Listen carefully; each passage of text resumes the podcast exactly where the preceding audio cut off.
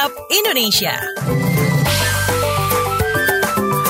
Oke, waktunya kita keliling Indonesia di WhatsApp Indonesia dan kali ini dimulai dari Jakarta.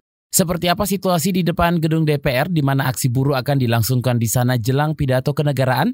Selengkapnya dilaporkan reporter KBR Wahyu Setiawan langsung dari depan gedung DPR. Wahyu silakan.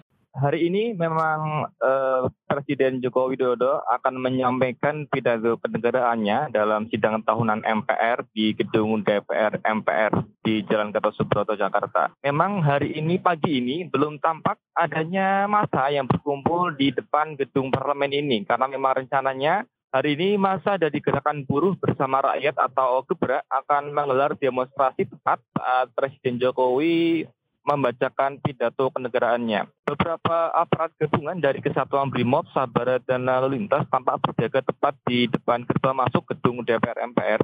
Kemudian juga sejumlah kendaraan taktis tampak disiagakan. Namun sejauh ini situasi di sekitar gedung parlemen masih cukup kondusif pengamanan di gerbang masuk terbilang cukup ketat. Setiap kendaraan maupun orang yang akan masuk harus melalui pemeriksaan yang cukup ketat dari aparat penjagaan. Kemudian untuk arus lalu lintas terpantau ramai lancar. Polisi lalu lintas dan petugas dinas perhubungan tampak mengatur kendaraan yang melintas di depan gedung parlemen. Saudara, hari ini Presiden Joko Widodo dijadwalkan membacakan pidato kenegaraan sekitar pukul 9 pagi. Demikian, Wahyu Setiawan melaporkan langsung dari gedung DPR MPR. Baik, terima kasih Wahyu Setiawan. Selanjutnya kita menuju Jember. Difabel di Jember gelar parade motor untuk peringati Hari Kemerdekaan. Selengkapnya kita simak laporan dari kontributor KBR Rosi Dwi. Selamat pagi. Selamat pagi. Sekitar 50 motor modifikasi milik kawan-kawan difabel asal Jember kemarin memenuhi Gedung Juang 45. Mereka adakan parade dalam rangka memperingati Hari Kemerdekaan Indonesia ke-74. Parade ini diikuti berbagai komunitas, mulai dari klub motor difabel Jember,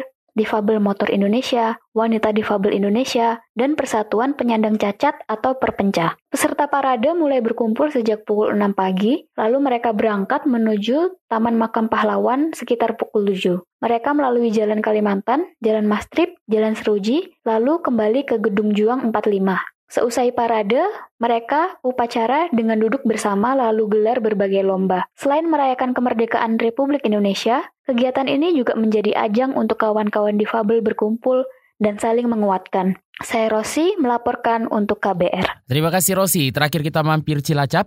Warga Kampung Laut Cilacap gelar upacara 17 Agustus di tengah laut. Kita simak bersama kontributor KBR Muhammad Ridlo. Selamat pagi. Selamat pagi. Masyarakat di Kecamatan Kampung Laut, Kabupaten Cilacap, Jawa Tengah akan menggelar upacara peringatan kemerdekaan Republik Indonesia di tengah laut Sabtu 17 Agustus mendatang. Usai upacara, acara lantas dilanjutkan dengan parade perahu hias untuk memeriahkan HUT ke-74 Indonesia ini. Camat Kampung Laut Nurindra Wahyu mengatakan upacara digelar di tengah Laguna Sekaranakan, tepatnya di depan Kecamatan Kampung Laut, Desa Klaces yang merupakan perairan Laguna. Dalam upacara di tengah laut itu, pengibaran bendera, inspektur upacara hingga petugas dan peserta akan berada di atas perahu masing-masing. Dia mencontohkan pengibaran bendera dilakukan di atas dua perahu yang disatukan dengan papan lebar. Dia memperkirakan peserta akan berjumlah lebih dari 500 orang. Peserta berasal dari empat desa di Kecamatan Kampung Laut, meliputi Klaces Ujung Galang, Ujung Gagak, dan Panikel.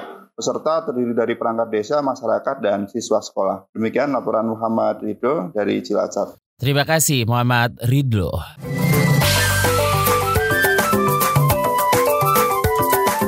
WhatsApp Indonesia.